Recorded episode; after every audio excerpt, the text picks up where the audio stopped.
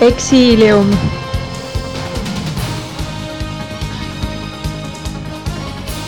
Exilium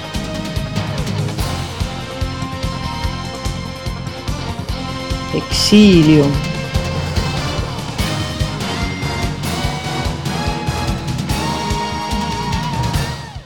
Exilium tere tulemast kuulama järjekordset äh, Eesti Pagulasabi raadiosaadet Exilium. mina olen äh, Eesti Pagulasabi kommunikatsioonijuht Madle Timm, minuga on täna saates Eesti Pagulasabi juht Eero Janson, tere Eero! tere, Madle! alustame loomulikult sellest, mis meil saates tulekul on. Ja nagu kõik võivad arvata, siis tänase saate teema on Ukraina, aga täpsemalt siis see, mis toimub Ukrainas sees ja mida meie oma organisatsiooniga seal teeme. Ja Eero, sina alles kaks päeva tagasi jõudsid Ukrainast tagasi, võib-olla mõne sõnaga pärast saame natuke detailsemalt sellest rääkida, aga mis su esimesed muljed eh, on värskelt tagasi tulnuna?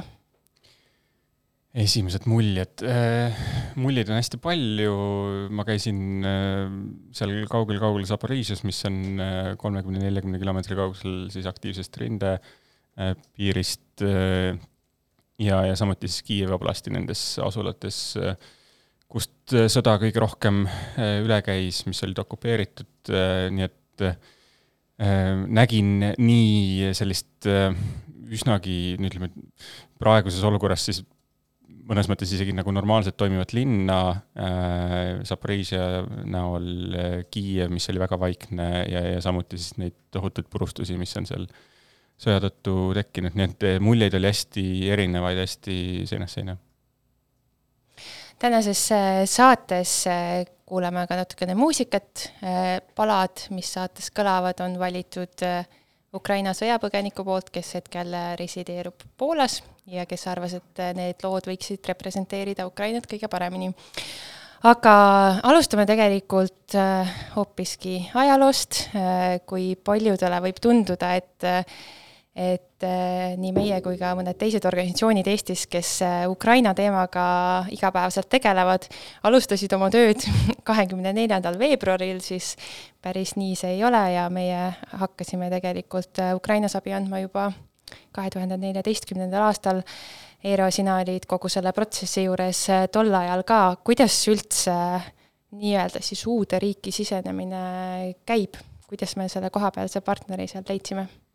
Tegelikult meil ei olnudki mingit partnerit koha peal, meil olid omad äh, töötajad, kellest said siis meie töötajad äh,, olid täiesti otselepingutega Eesti pagulasabi all ja, ja tegelikult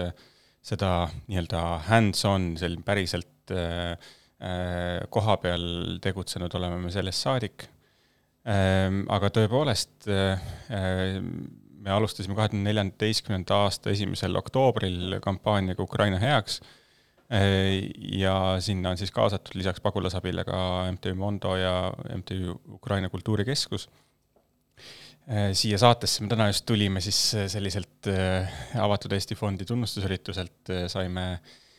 selle, selle viimase kaheksa aasta ja nüüd siis eriti veel selle kahe viimase kuu töö eest veel ka sellise tunnustuse, mis, mis selle nimi nüüd oligi? koosloomeauhind koosloomeauhind. Ja, ja see töö on tõesti olnud pikaajaline ja, ja kui äh, paljud organisatsioonid juba nende viimaste aastate jooksul või üleüldiselt tegelikult eh, see Ukraina sõda võib-olla vajus natukene unustuste hõlma, siis, eh, siis meie seal pidevalt edasi tegutsesime ja tegelikult on hea meel öelda ka, et Eesti riik on ju tegelikult ka järjepidevalt seda humanitaarabi Ukraina sees ka rahastanud, nii et vähemalt Eesti radarilt Ukraina kunagi ära ei kukkunud. kui sa võrdled, kui üldse annab võrrelda nüüd viimast kaheksat aastat ja viimast äh, kahte kuud äh, tööalaselt, siis äh, mis on need mõtted, mis sulle pähe tulevad? no mõnes mõttes see, kuidas me alustasime kaks tuhat neliteist, viisteist, need olud, milles me alustasime, olid isegi võrdlemisi sarnased praegusega, oli akuutne kriis, oli akuutne sõda, ta oli mõistagi piiritletum, aga tegelikult need vaatepildid, mis, kui ma ise käisin esimest korda Ukrainas tol ajal, mis vaatasid mulle vastu seal, siis ütleme just seal nii-öelda Donetski, Luhanski oblasti nendes rindeäärsetes asulates, äh, ja mis praegu vaatavad vastu näiteks Kiievi äh, külje all, siis need pildid on üsnagi samad. Äh, ma arvan, et see on üsna selline järsk meeldetuletus sellest, et tegelikult see sõda on kestnud kaheksa aastat, see ei ole kunagi ära lõppenud. lihtsalt kahekümne neljandal veebruaril algas selline uus vaatus selles sõjas ja, ja veelgi räigemalt, veelgi äh, Äh, suuremate mõjudega ja veelgi suuremate siis äh, põgenike arvudega, aga, aga sõda ise tegelikult on juba pikaajaline. kuidas äh, toimub üldse see otsustamine, et millisesse riiki appi minna, sest neid riike, mis on sõjas või kus on erinevad konfliktid, on maailmas väga palju, et kuidas Eesti või täpsemalt siis nagu pagulasabina, et mille järgi see otsus sünnib? nojah, tegelikult Ukraina oli meil ju esimene riik, kus me alustasime Äh, humanitaarabi äh, tegevustega. Ähm, eks see otsus sünd-, sündis mõnes mõttes jooksu pealt, et ähm, seal on selline olukord, seal on abi vaja, äh, meil on võimekus ja võimalus aidata, hakkame siis pihta. ja tegelikult vaadates, kui ma vaatan praegu tagasi sinna, et, et kuidas me asju tegime siis seitse pool aastat tagasi, kuidas me teeme asju praegu, siis muidugi need noh, mõnes mõttes on need on kaks erinevat organisatsiooni, kes äh, sama nimi küll, aga tegelikult see mastaap ja see viis, äh, see süsteemsus seal taga on ikkagi täiesti öö ja päev. Toona me ikkagi äh, natukene võib-olla ka amatöörlikult seda abi andsime, kui nüüd niimoodi tagasi vaadata kriitiliselt. Ähm, mitte, et see valesse kohta läks, see läks väga õigesse kohta, aga, aga lihtsalt tegelikult nüüd me tegutseme süsteemsemalt, mastaapsemalt äh, ja, ja standardeid järgides ja, ja oleme siis praegu ise nii-öelda toeks nendele äh, väiksematele initsiatiividele koha peal äh,, et neid siis nõustada, et kuidas teha asju nii, nagu tegelikult humanitaarabisektoris tegema, asju tegema peaks, sest praegu on samuti tegelikult Ukrainas sees on see kodanikuühiskond aktiviseerunud üsna tugevasti, inimesed tahavad midagi teha Äh, ja teevadki, aga nad ei tea alati päris täpselt, et kuidas on see kõige efektiivsem viis seda, seda abi anda. No see abi olemus äh, muutub alati kriisis samamoodi vastavalt sellele, mis, äh, mis toimub inimeste ümber, aga kui ma mõtlen tagasi nüüd eelmise aasta sügise peale, kui me kirjutasime ka artikleid ja meil oli ka üks raadiosaade vastava teemaline, et et jätkuvalt koguda annetusi just äh, Ida-Ukrainasse, ma mäletan, et meil oli üks artikkel, kus me kirjutasime, et äh, ühest vanapaarist, äh, kellel oli kahe peale ainult üks paar jalanõusid, mida nad siis talvel omavahel jagasid. ja kui me alustasime nüüd jaanuaris, pühkisime tolmu sellelt Ukraina heaks kampaanialt, siis tegelikult minu mäletamist mööda kõik need valdkonnad, mis me sinna kirja panime, eh, mille heaks eh, võiksid inimesed õla alla panna ja mis vajadus seal Ida-Ukrai-, Ida-Ukrainas on, on nüüdseks täiesti pea peale pööratud, põllumajandustoetusi meil ei ole mõtet enam seal toetada, aga, aga kuidas see nagu sinu vaates on kõik need kaheksa aastat, et ütleme nüüd selle aasta algus ka, kuidas see abi olemus on ajas muutunud? Ma ütleks tegelikult põllu, ma vastan pikemalt, aga, aga põllumajandustoetuste osas ma arvan, et see vajadus on tegelikult praegu suurem kui kunagi varem. põllumajandustoetusi oli sel kevadel väga vaja ja, ja paraku selleni palju ei, ei jõutud, see on selline pikaajalise toiduturvalisuse mõttes hästi oluline. aga, aga tõepoolest, kui me alustasime äh, Äh, seal äh, ütleme, et see tugi või see humanitaarabi, mida me andsime, ütleme kuus-seitse aastat tagasi, oli noh, väga sageli esemeline tugi. Äh, me nii-öelda andsime toidupakke, hügieenitarvikuid ja, ja mingil määral me tegime seda ka nüüd viimase, viimaste aastate jooksul, eriti just sellistele väga haavatavatele gruppidele nagu vanurid aga, aga nüüdseks ikkagi viimased neli aastat me oleme väga selgelt äh, äh, nii-öelda muutnud oma tugi, tuge siis selliselt, et me anname pigem, alati kui turud toimivad, me anname rahapõhist abi selle asemel, et anda asju ja sellel on väga nii-öelda selline tugev loogika ja tugev toetus humanitaarsektoris laiemalt, et alati, kui poest on asju saada, siis, siis anname pigem raha, selline abi on kiirem, selline asi on, abi on efektiivsem ja, ja niimoodi me jätamegi selle raha sinna koha peale, selle asemel, et siis nii-öelda soetada asju siit näiteks Eestist ja, ja, ja pikamaa taha neid äh, transportida äh,. nüüd äh, olles äh, Ukrainas, siis Zaporižžjas, Kiievis toidupoes näiteks käinud, siis toidust seal puudu ei ole. hulgimüüjad tegutsevad, jaemüüjad tegutsevad, selles ei ole vajadus, vajadus on hoopis pigem selles, et inimestel ei ole tööd, isegi kui nad on ametlikult tööl, siis nad ei saa enam palka, sest tehased, vabrikud, töökohad on kinni pandud paljuski. Ja samal ajal on inflatsioon on olnud viimased paar kuud väga kõrge ehk siis toiduhinnad ja, ja muud hinnad tõusevad, aga, aga palka samal ei saa, nii et, et see sotsiaalmajanduslik äh, olukord on äh, üsna sant ja läheb aina, aina hullemaks. sellest, mis seal kohapeal toimub, räägime pärast väikest muusikapala, kuulame viimasel ajal tuntuks saanud äh, ja eesti keeles kõlavat laulu pealkirjaga siis Punane lodjapuu aasal ehk ukraina keeles Ojo Lucy Cervona Kalina, äh, Andrei Lõunjuki äh, ja, ja tema toetajate esituses ja, ja tema sai äh, tegelikult tuntuks just selle sõja käigus, kui ta laulis seda Kiievis Sofia väljakul ja see on, pärit on see lugu tegelikult kahekümnenda sajandi algusest ja on kirjutatud samamoodi ajendatult siis sõjast. ja peale seda, kui ta selle loo mille ta seal väljakul salvestas, internetti üles laadis, siis, siis erinevad riigid on, on sellest teinud oma versioonid, kaasa arvatud siis ka Eestis Trad Attacki lugu on, on täitsa leitav, aga kuulame seda peaaegu originaali. Червона калина охилилася Чогось наша славна Україна зажурилася, а ми тую червону калину підіймемо,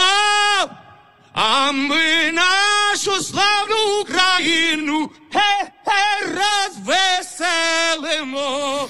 Ой у лузі червона калина похилилася. Чого ж наша славна Україна зажурилася, а ми тую червону калину підіймемо, а ми нашу славну Україну гей, гей, розвеселимо. Ой у лузі червона калина похилилася. Наша славна Україна зажурилася, а ми тую червону калину підіймемо,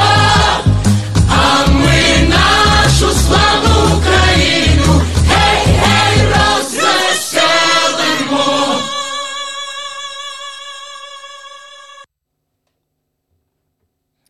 tere tulemast kuulama tagasisaadet Exilium. Madle Tiim siinpool, Eero Jens on minu kõrval ja meeldetuletuseks siis Eero naasis äsja nädalapikkuselt reisilt Ukrainasse. tavaliselt äh, need visiidid äh, nende kaheksa aasta jooksul, mida on päris arvukalt olnud, nii pikalt ei kesta. Äh, Eero, võib-olla sa avad natuke seda tausta, kui palju tegelikult võtab aega, et praegu sinna piirkondadesse üldse kohale jõuda Äh, jaa, tõepoolest, kui äh, tavaliselt äh, tõesti koroona ajal jäi küll selline paus, sest oli samuti lendamisega keeruline, aga, aga varem ikkagi käisime üsna sageli. Ähm, ja noh, varasemalt oli see selles mõttes nagu üsna lihtne reis, et Tallinn-Kiiev, Kiiev-Zaporižžja on võimalik lennata. meie siis nii-öelda kohapealne kontor on siis viimased seitse pool aastat Zaporižžja linnas olnud Äh, ja nüüd on siis, kuna lennuruum on ju tegelikult suletud, on nii Vene, Valgevene kui ka Ukraina lennuruum siis suletud, äh, vähemalt siis Euroopa lennufirmadele, äh, siis ähm, kõige lähem punkt, kust teed alustada, on siis Žežovi linn Poolas. Sinna on võimalik üsna kehvadel aegadel lennata ja, ja siis kuidagi tuleb üle piiri Lvivi saada ja, ja sealt äh, buss, ütleme autode, rongide, bussidega, kuidas iganes äh, on võimalik Zaporižžjasse jõuda, see võtab aega ikkagi vähemalt kaksteist, kolmteist tundi. Ähm, kogu see teekond Eestist äh, Zaporižžjasse võtabki kaks päeva sinna ja kaks päeva tagasi ja, ja selles mõttes ega see jah, ei ole kuidagipidi lihtne teekond. tagasi sõitsin äh, rongiga Kiievist,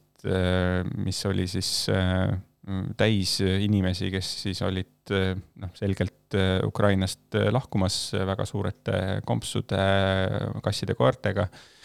Äh, ja selles mõttes oli jah, see, selle meeleolu seal rongis kindlasti oli paljude jaoks selline üsnagi rusuv, et, et olid, olid inimesed oma kodumaad maha jätmas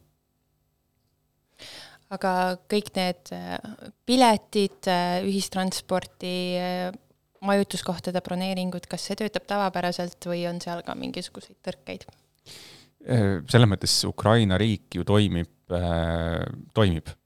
punkt äh,. ja muidugi on, on seda tekitanud seal palju tõrkeid äh, erinevates äh, ähm, sellistes äh, noh, riigi ja, ja, ja teenuste ja kõige selle toimi-, toimepidevuses Äh, siin just eile näiteks äh, see Ukraina raudteefirma, kes kõik neid reisironge äh, käitab, sattus näiteks küberrünnakute alla ja nende veebileht oli maas ja nii edasi. aga, aga üldjoontes ikkagi jah, kõik, kõik toimib, liikuda on võimalik igal pool küll on, kui autoga minna, siis on blokkpostid on ees, kontrollitakse inimesi, kes autodes on, nende passe ja kõike seda, et, et seda kontrolli on palju, aga, aga teenused, rongid, bussid, kõik selles mõttes toimivad seal kohas, kus ei ole siis aktiivset sõjategevust tol hetkel. Zaporižžja ehm, on selles mõttes muidugi vaiksem kui need viimastel kordadel, kui ma seal käinud olen, aga viimati oli äh, siis selle aasta jaanuaris tegelikult äh, üsna, üsna vahetult enne selle, äh, selle eskalatsiooni toimumist ja sellega võrreldes muidugi jah, on, seal on lihtsalt väga-väga vaikne, sealt on lahkunud noh, ütleme, see on natuke teadmata arv inimesi, küll aga on see Pariisist läbi liikunud siis circa kakssada tuhat sisepõgenikku, nendest umbes neljandik on ka Zaporižžjasse äh, jäänud sisepõgenikena. Zaporižžja ähm, on tegelikult peamine evakuatsioonipunkt samuti inimestele, kes äh, siis varasemalt tulid Mariupolist, siis kui Mariupolist oli veel võimalik lahkuda, aga samuti teistest Zaporižžja ja Donetski äh, piirkondadest, Berdjanskist ja Melitopolist näiteks, mis on praegu samuti okupeeritud.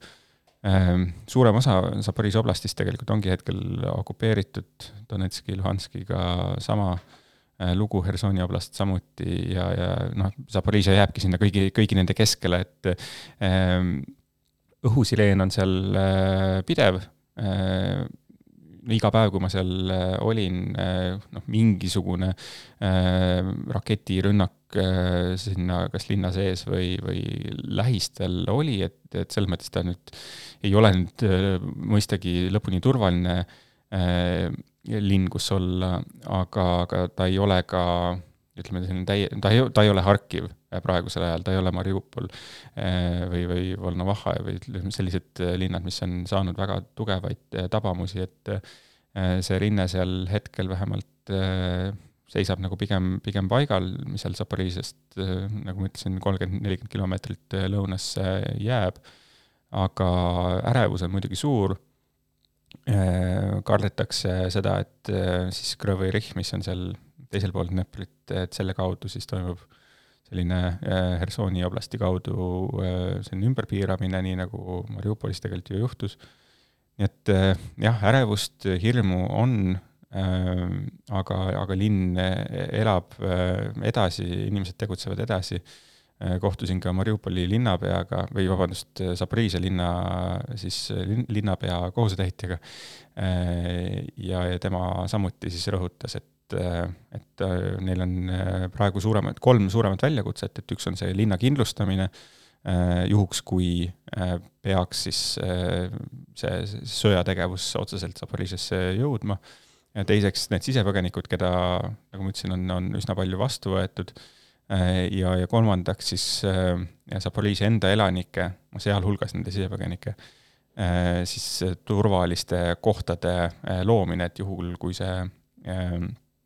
sõda peaks sinna jõudma, et igasugused pommivarjendid ja, ja kõik muu selline seal kohapeal toimiks ja seal oleks olemas siis äh,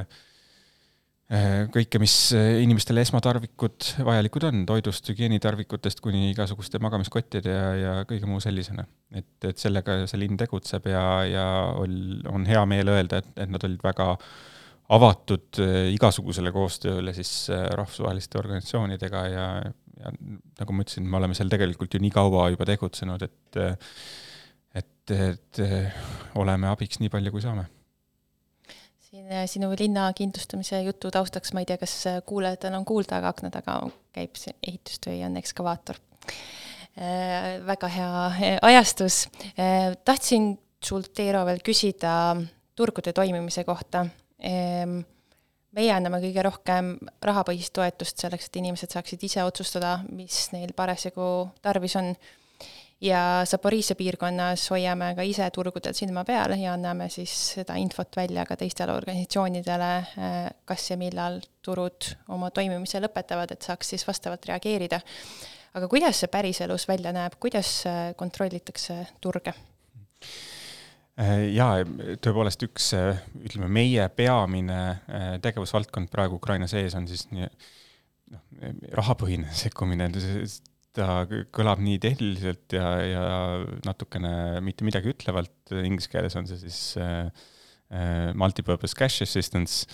Äh, ja see on siis selline äh, sekkumine, kus me anname tõepoolest äh, inimestele äh, raha, see on, selle rahasumma on äh, kokku lepitud humanitaarorganisatsioonide ja riigi vahel.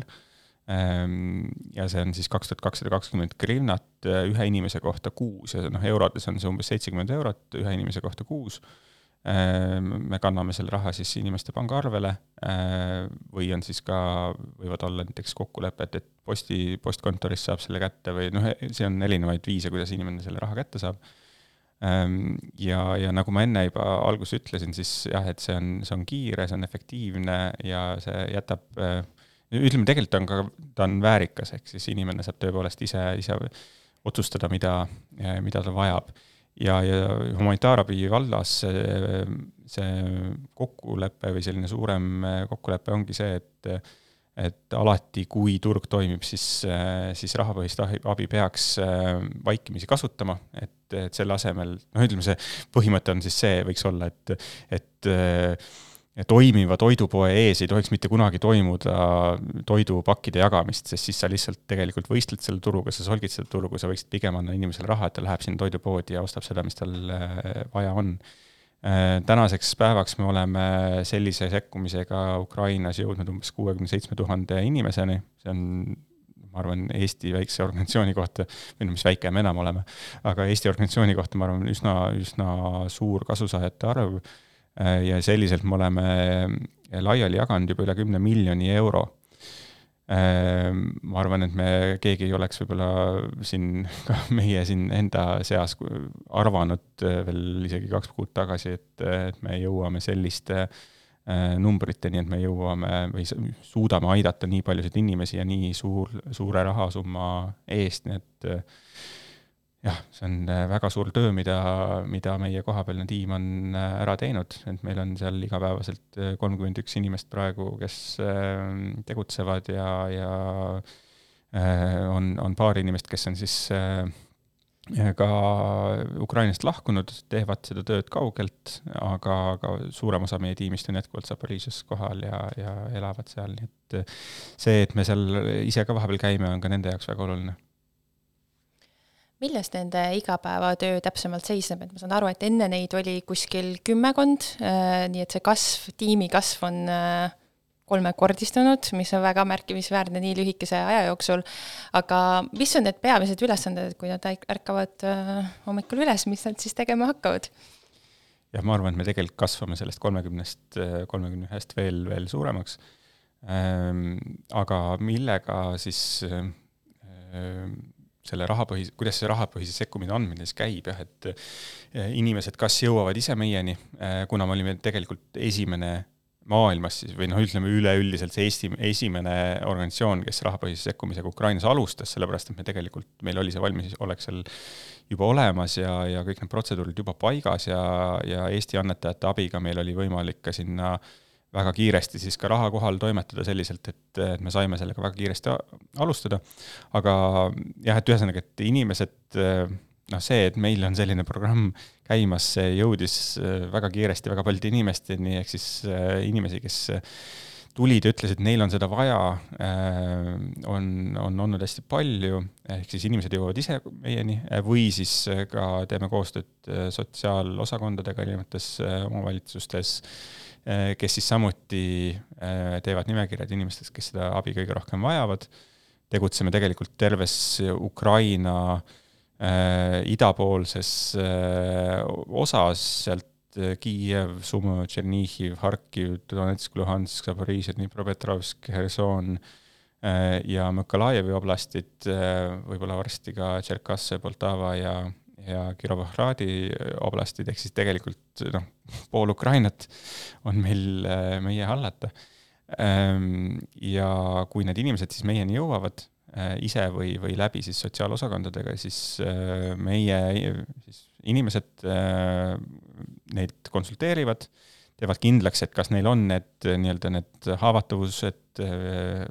keda me prioritiseerime, noh näiteks, et, et kui on paljulapseline pere, ma ei tea, kolme lapsega pere, ema on üksi lastega,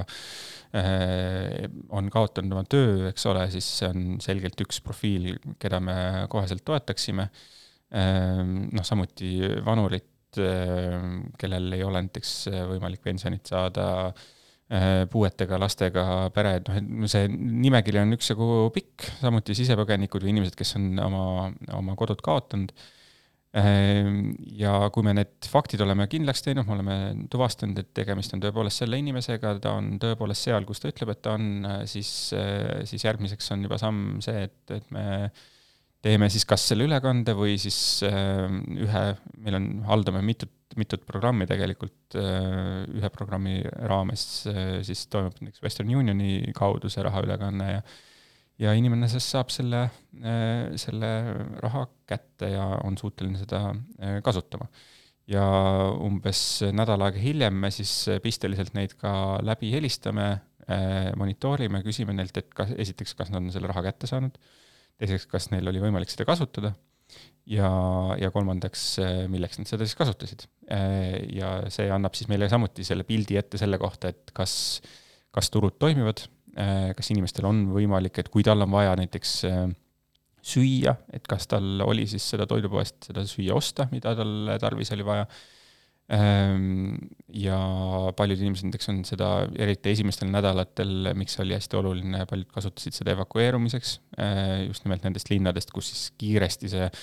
nii-öelda tulejoon nagu inimeste suunas liikus ja neil oli vaja sealt Äh, sealt nendest ohtlikelt aladelt ära saada, siis,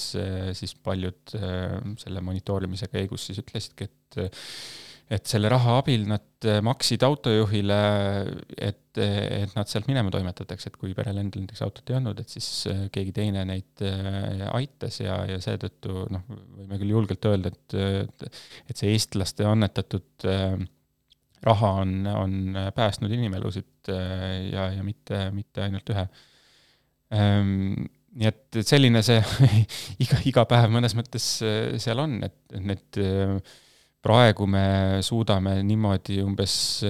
tuhat kuni tuhat viissada leibkonda, see on siis keskmiselt leibkonnas kolm inimest, noh, rohkem kui kolm tuhat kuni neli tuhat inimest ühe päeva jooksul niimoodi aidata ja, ja niikaua, kuni meil seda raha on, niikaua me seda teeme. Ja kui me näeme, et vajadused muutuvad, siis siis, siis vaatame jälle üle, aga praegu täna hommikul just oli, oli samuti siin äh, Äh, humanitaarorganisatsioonide kohtumine sel teemal ja, ja noh, järeldus oli jätkuvalt see, et, et äh, palun tehke ja tehke kiiresti. et siinkohal võib-olla täpsustaks seda, et äh, kui me oleme välja jaganud nüüdseks üle kümne miljoni euro rahapõhist abi Ukrainas sees ja eestlased on meile annetanud umbes viis miljonit eurot, mis on väga tore ja, ja ma just tähtsustaksingi seda sellepärast, et just see abi, mis tuli nii kiiresti eestlastelt, enne kui meie koostööpartnerid, teised rahvusvahelised organisatsioonid, kellega me nüüd siis üheskoos ka seda skaleerisime, aga just eestlaste abi oli see, mis, mis andis meile võimaluse sekkuda nii kiiresti, nagu me siis sekkusime. küsin sult nüüd hoopis täpselt nende teiste koostööpartnerite kohta, tänu kellele meil on võimalik olnud äh, nii suurtes summades seda raha välja jagada ja, ja seda ka tulevikus, vähemalt lähitulevikus teha, eks abivajadus jääb sinna kestma aastateks ja, ja seda rahastust saab, aeg näitab, aga kes on need praegu need suurimad äh, koostööpartnerid? ja esimene, kellega me sellise suurema lepingu sõlmisime, oli äh, maailma Toiduprogramm, see on siis WFP või World Food Program, äh, tegemist on tegelikult maa, suuruselt äh, maailma suurima äh, humanitaarorganisatsiooniga, see on siis üks ÜRO allasutustest ja, ja nendega me siis, meil, meie lepingu järgi siis jõuame kuuekümne tuhande viiesaja inimeseni. ja, ja see oli nende kaudu siis me oleme hästi-hästi paljude inimesteni juba jõudnud, see on siis neljas oblastis Äh, teiseks äh, oleme saanud äh, lisarahastusega otse ÜRO-lt miljon dollarit, mis on, millega me kat-, katame Donetski ja Zaporižžja oblasteid, seda siis on selline suur ähm, selline ÜRO hallatav humanitaarabi rahastu, ähm, kust siis selliste väga akuutsete järsku tekkivate kriiside puhul on võimalik siis rahastust taotleda. Äh, sinna on Eesti riik ka kusjuures teinud äh, oma sissemakseid, nii et, et äh, teiselt poolt siis meie, meie seda siis ka ellu viime. ja, ja kolmandaks siin just pühapäeval algas ka International Rescue Committee, ma, ma ei hakka tõlkima seda parem. maailma Päästekomitee. jah, jah, kuidas väga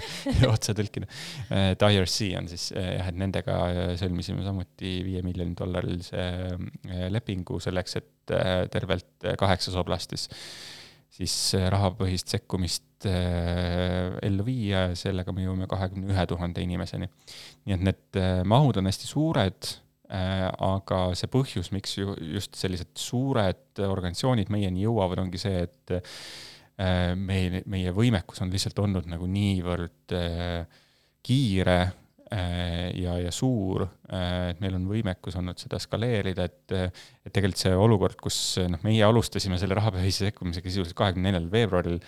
läksid meil esimesed siis annetusrahad Ukrainasse, meie Ukraina pangakontole teele teisel märtsil olid meil juba esimesed väljamaksed, ehk siis kõik need äh,, alguses muidugi oli, oli natukene see väga, olukord väga pinev ja inimesed istusid pigem äh,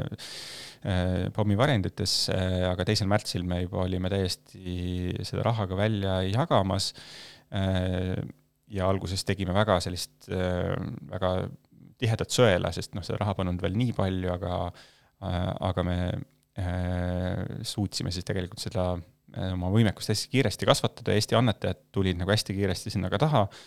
Ähm, ja, ja see jättiski märgi meile külge, et, äh, et me oleme lihtsalt äh, noh, esimesed kolm-neli nädalat me tegelikult tegutsesime selles vallas nagu võrdlemisi üksi, et kui kõik rääkisid kogu aeg, et see on, see on see peamine asi, mida praegu on vaja väga-väga-väga teha, siis tegelikult kõik,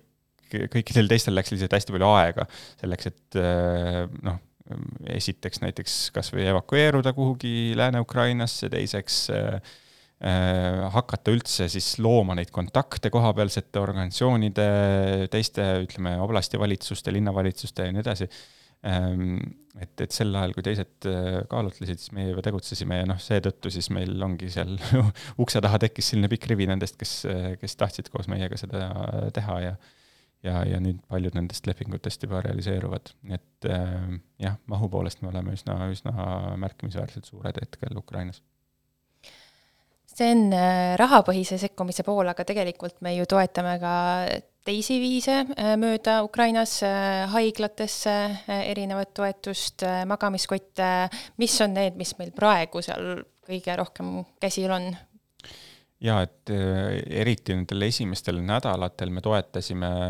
üsna palju väiksemaid haiglaid, ähm, nii siis ähm,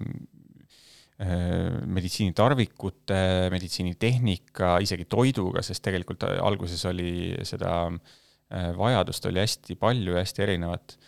Ähm, samuti siis pommivarjenditesse jagasime tekke Harkivi linnas ja Zaporižžja linnas eh, ja nüüd eh, just, kui ma seal olin, jõudis meil Zaporižžja humanitaarabistaapi sinna lattu kohale ka neli tuhat kuussada magamiskotti, mis lähevad siis erinevate Zaporižžja oblasti linnade ja sisepõgenike keskuste ja pommivarjendite vahel laiali jagamisele ja juba eile tuli see äh,, meil siis kohapealsest tiimist küsiti, et, et äh, see vajadus on nii suur nende magamiskottide järgi, et noh, et kas me saaksime selle nelja tuhande kuuesajale veel lisa äh, ja millal? Nii et, et vaatame siis seda ka, sest, sest nüüd ka Odessa ja Makalajevi äh, oblastid nende järgi küsivad, nii et, et vaatame, kas, kas ja millal meil on siis võimalik toetada veel seda ka kuulame vahepeal taas kord muusikat. Ukraina sõjapõgenik, kes tänased palad välja valis, ütleb selle pala kohta niimoodi. mulle on see lugu alati meeldinud, selles on rahu, selles on häält ja puudutavaid sõnu. pealkirjaks on Mul ei ole kodu ja, ja kui varem sai selle järgi lihtsalt võib-olla mõni murtud süda natukene nutta õhtuti, siis nüüd on see miljonitele hoopis uue tähenduse saanud. ja kui vaadata Youtube'is selle video all kommentaare, siis tuhanded inimesed kirjutavad sinna enda põgenemise loo pealkirjaks I have no home ja esitajaks Odin Vkanoe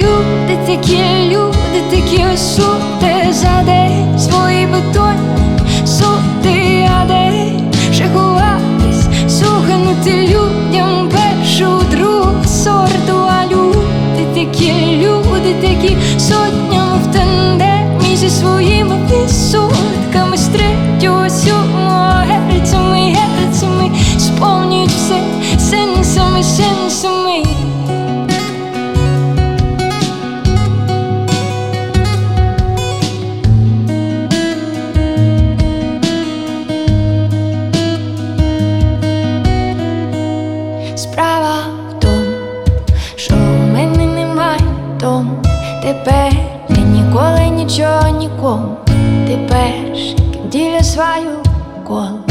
і більше Врешті я втім, я мене будім, я лишила його на людей, на котів, я пошила усіх, я не люблю котів. Хай люди, такі люди, такі суди за день свої бетонні соти, я дерев, ховатись, сохнути людям першу, другу сорту, а люди, такі люди, такі сотнями в тандемі зі своїми підсотками з третього сьомого герцями, герцями сповнюють все сенсами, сенсами.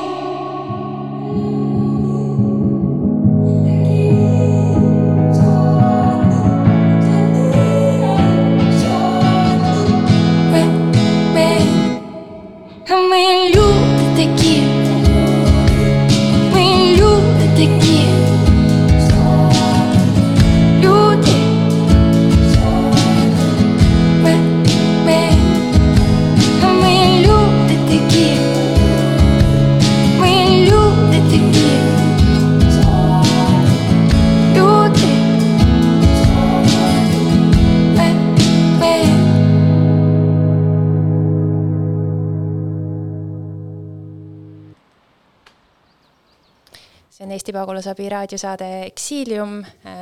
nüüd me oleme rääkinud äh, ajaloost alates kahe tuhande neljateistkümnendast aastast ja täpsemalt siis selle aasta veebruarikuust. ja, ja töö käib jätkuvalt äh, nii Eestis äh, meie kontorites kui ka Ukrainas sees, kui ka siis äh, kus iganes meie tiimiliikmed veel on äh, Ukrainast äh, lähiriikidesse lahkunud ja töötavad sealtkaudu mis on need äh, tulevikuplaanid, kui seda saab kuidagi üldse selle kriisi valguses äh, planeerida, sest äh, nagu me kõik teame, siis need olud muutuvad jube kiiresti, aga ütleme, ütleme siis mõned päevad ette või ka mõned nädalad ette, kas me, kas me saame vaadata, mis meid ees ootab, juhul kui asi on nii stabiilne jutumärkides, kui ta siis hetkel on? Jaa, et üks pool sellest ongi see noh, jätkamine kindlasti selle meie rahapõhise sekkumisega, siin on veel mitmeid äh, selliseid potentsiaalseid äh, rahastajaid veel äh, soolas, vaatame, et kuidas ka teised rahvusvahelised organisatsioonid siis tahavad seda, seda tegevust meie kaudu ellu viia, sest noh, jätkuvalt me tegelikult tunneme ennast seal Ida-Ukrainas võrdlemisi üksi, on noh, teised suured, kes, kes tegutsevad, UNHCR näiteks, ÜRO pagulasamet, et nemad toetavad ikkagi sisepõgenikke, kes on siis jõudnud Lääne-Ukrainasse. Ja, ja meie fookus on just nimelt nendel asulatel, mis on siis kõige rohkem olnud kannatanud või mis on praegu siis kõige, kõige suuremalt tule all nii et selle suunaga me kindlasti jätkame ja täna siin sellel humanitaarabi organisatsioonide kohtumisel just võttiski, oli, esines sellise avaldusega ka siis Sotsiaalministeeriumi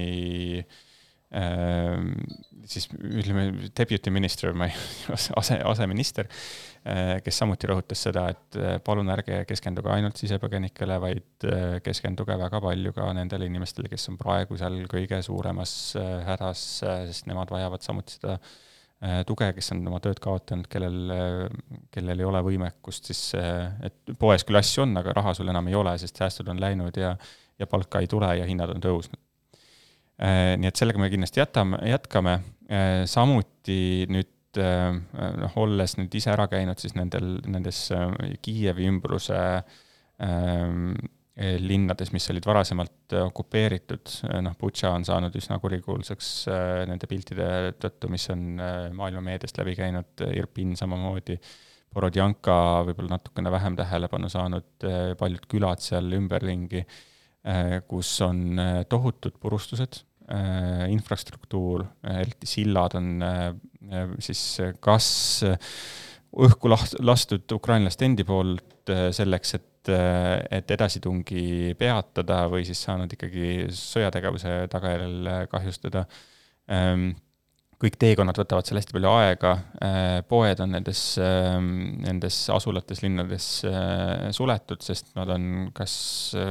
saanud tabamusi, maha põlenud, ühesõnaga, et seal on vaja sellist esemelist abi, sinna on vaja tõepoolest siis viia ka toidupakke ja teha seda süst-, süsteemselt ja, ja äh, koordineeritult ja noh, seda ongi seal natukene hetkel puudu. Et äh, tegin ühe sellise kohapealse aktivistide grupiga selle sõidu sinna kaasa, kes toiduabi äh, jagasid. Ähm, ja see on hästi vajalik, aga samas jah, ütleme, vajadus on seal, ütleme sellise natukene standardiseerituma, süsteemsema lähenemise järgi, et, et äh, et ei tekiks seda olukorda, kus äh, ühes külas käiakse kogu aeg ja, ja viiakse ja, ja kõrvalküla tegelikult, äh, kuna kellelgi seal ühtegi, ma ei tea, tuttavat ei ole, et siis, siis jääb täiesti tähelepanu alt välja. Ähm, nii et, et tegeleme ka sellega, et neid kohapealseid initsiatiive nõustada, et kuidas seda asja siis teha vastavalt siis humanitaarabi põhimõtetele Äh, ja, ja standarditele, sest tegelikult äh, kõik need ämbrid on ju läbi kolistatud äh, erinevate kriiside raames üle terve maailma. ja seetõttu ongi humanitaarorganisatsioonid ju teavad, kuidas seda tööd teha, on paika, kokku lepitud ja paika pandud sellised standardid, kui palju, ma ei tea, ühes toidu, toidukorvis peaks olema asju, kui kauaks selleks peaks jätkuma, mis kalorid, mis toitained peaks olema kaetud, missuguse protsendi ulatuses, nii edasi, nii edasi, nii edasi. nii et see on selline tugi, mida praegu tegelikult seal kohapeal ka vajatakse, noh lisaks sellele, et, et on, on vaja raha siis nende asjade soetamiseks, et noh, mina küll olen seda usku, et, et nii palju kui alati võimalik, me peaksime kõike soetama sealt koha pealt, selleks, et Kiievi äh, oblasti neid äh,, neid piirkondi, kus äh, poed on kinni ja turud ei toimi et neid toetada, siis me peaksime selle toidu ikkagi ostma Kiievist, ostma Žõtomõrist, et meil ei ole mõtet seda väga kaugelt hakata kohale toimetama. selle sama rahasumma eest me saame sealt lihtsalt kaks korda rohkem äh, toitu ja me ei pea seda raha siis kulutama transpordi ja, ja, ja ladustamise ja kõige muu sellise peale. nii et, et see on samuti üks suund, mida me nüüd praegu siis äh, vaatame, et otsustame juba sel nädalal, et kas seda Kiievi äh, ümbruskonna äh, siis piirkonda siis äh, toiduabiga sellisel kujul äh, toetada, neid kohapealseid initsiatiive siis teatud tingimustel toetada, et nemad, nemad teeksid seda, aga teeksid seda õigesti. No kõik see, mida sa Ukrainas kohapeal nägid ja eriti seal Kiievi lähistel, on päris masendav ja tegelikult ju meediast läbi jooksev samamoodi, siis äh,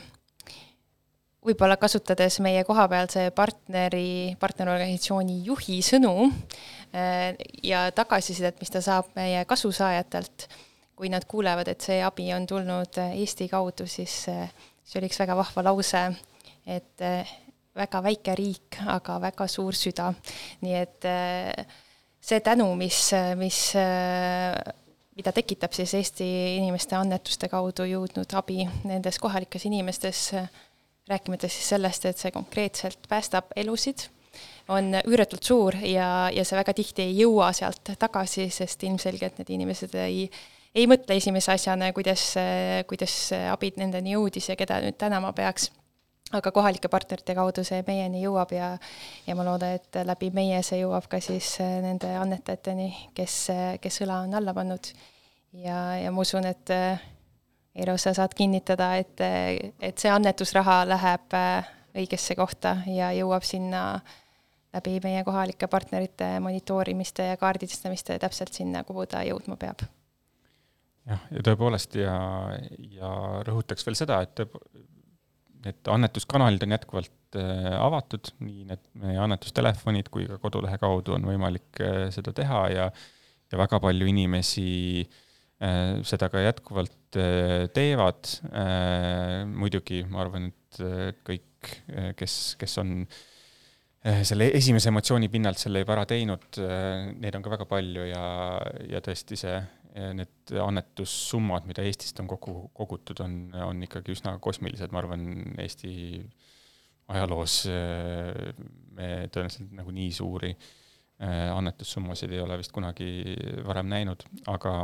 aga see noh, nii nagu ka rõhutatakse, et see ei ole sprint, see on maraton, me peame neid plaane tegema ikkagi pikaajaliselt, jälgima, et, et et ka kolme kuu pärast ei, ei saaks see raha otsa ja sest need vajadused jäävad sinna püsima, ükskõik mida see, kuidas see sõda nüüd äh, loodetavasti nii kiiresti kui võimalik lõpeb, aga, aga need äh, tagajärjed jäävad sinna veel pikaks ajaks. nii et aitäh kõikidele annetajatele ja kuulame lõpetuseks veel mõned sekundid äh, viimast lugu, see on Spring ja Vapli Vidaplejasova lugu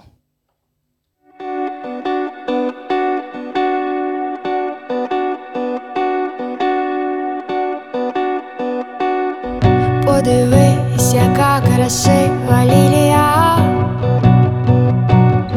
позолоченим курсивом твоє ім'я, сліди від губ, тонкі маски масло, чи чути там мене за скло?